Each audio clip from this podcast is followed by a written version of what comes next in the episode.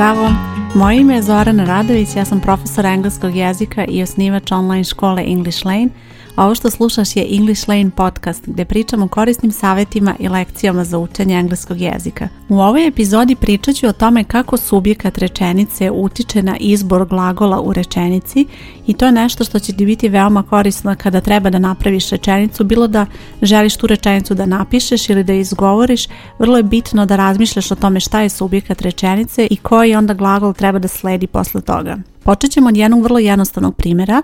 She is busy. Ona je zauzeta. U ovoj rečenici she je subjekat rečenice i on utiče na izbor glagola, odnosno oblika glagola to be i zato je upotrebljeno is. She is busy. Ukoliko je drugačiji subjekat rečenice i glagol to be će promijeniti svoj oblik. I am busy. They are busy. Ja sam zauzeta, oni su zauzeti. U ovim rečenicama koriste se drugi oblici glagola to be, to su am i are. Ovo se ne odnosi samo na glagol to be, već i na ostale glagole. Poslušaj sada drugi primjer. She decides to take a longer break. Ona odlučuje da napravi dužu pauzu. She decides. U ovom primjeru, zbog subjekta she, što je treće lice jednine, dodaje se nastavak s, decides. U slučaju da se koristi množina, odnosno da se koristi prvo ili drugo lice jednine, tog nastavka ne bi bilo. I decide to take a longer break. U toj rečenici nema nastavka s. Poslušaj sada ovaj primjer. The workers have talked to the manager. Radnici su razgovarali sa menadžerom. Have talked. To je oblik glagola, u pitanju je vreme present perfect i imajući u vidu da je na početku subjekat u množini, the workers have talked, to će biti nastavak rečenice, a da je upotrebljeno treće lice jednine he, she, it, u tom slučaju bi nastavak rečenice bio has talked. She has talked to the manager. He has talked to the manager. Ovo je nešto što može praviti problem na početku kada krećeš sa učenjem engleskog jezika, ali će vrlo brzo biti nešto što ćeš vrlo lako shvatiti da jednostavno moraš da gledaš taj subikat rečenice i da razumeš kako to utiče na izbor glagola i to utiče na izbor glagola bez obzira da li je u pitanju pomoćni ili glavni glagol. Kod prve dvije rečenice imali smo glavni glagol koji se menjao zbog lica, a u trećoj rečenici se pomoćni glagol menjao zbog lica. E sad veliki problem može da nastane kada su u pitanju zbirne imenice, odnosno collective nouns. Zbirne imenice su reči koje predstavljaju naziv za grupu ljudi ili stvari. Te reči iako deluju kao jedan pojam, predstavljaju skup pojmova i onda taj pojam možeš da protumačiš kao jedninu ili kao množinu. Jedna od tih reči kod kojih najčešće dolazi do dileme je reč family, zato što je reč family, sama reč je u jednini, ali zapravo podrazumeva skup pojmova, odnosno podrazumeva više ljudi, pa onda može da se shvati i kao pojam u množini. Kada imaš takvu situaciju, kada je upotrebljena zbirna imenica kao subjekat rečenice, ti možeš da upotrebiš u nastavku ili jedninu ili množinu. To znači da se ponašaš kao da je ta reč ili u jednini ili u množini i sada ću odmah objasniti šta to znači i zašto je važno. Poslušaj rečenicu.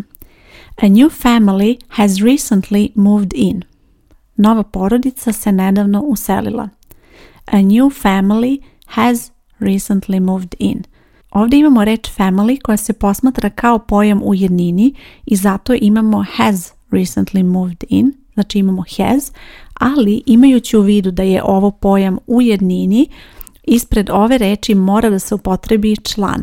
U ovom slučaju upotrebljen je neodređeni član jer se smatra da je pojam nepoznat da se prvi put pominje, ali isto tako se može upotrebiti i određeni član ako je pojam poznat sagovorniku, pa bi onda bilo The new family has recently moved in ali bitno je da reč family ukoliko posmatraš kao reč u jednini i koristiš glagol u nastavku kao da je reč u jednini, onda ta reč mora ovdje imati i član.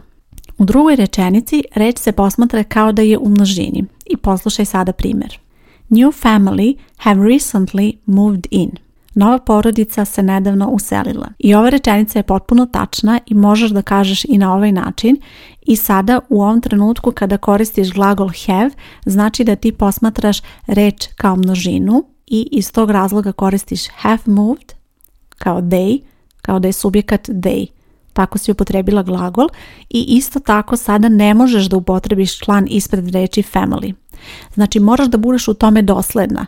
U ovoj situaciji bi bilo potpuno pogrešno upotrebiti neodređeni član jer se neodređeni član, e, odnosno an, koristi samo ispred reči u jednini, a imajući u vidu da ti koristiš have, da je onda reč kao da je reč u množini, ispred te imenice ne sme da stoji član. I to je bitno da napraviš razliku.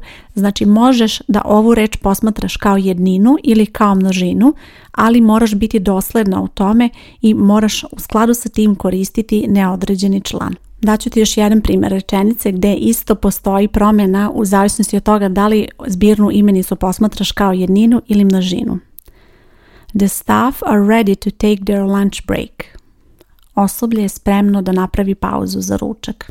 Isto tako bilo bi tačno i da kažeš The staff is ready to take its lunch break. Is ready.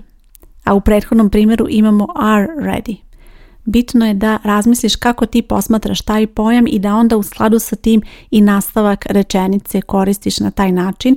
U ovim primjerima primetit ćeš da ne dodaješ nastavak s za množinu.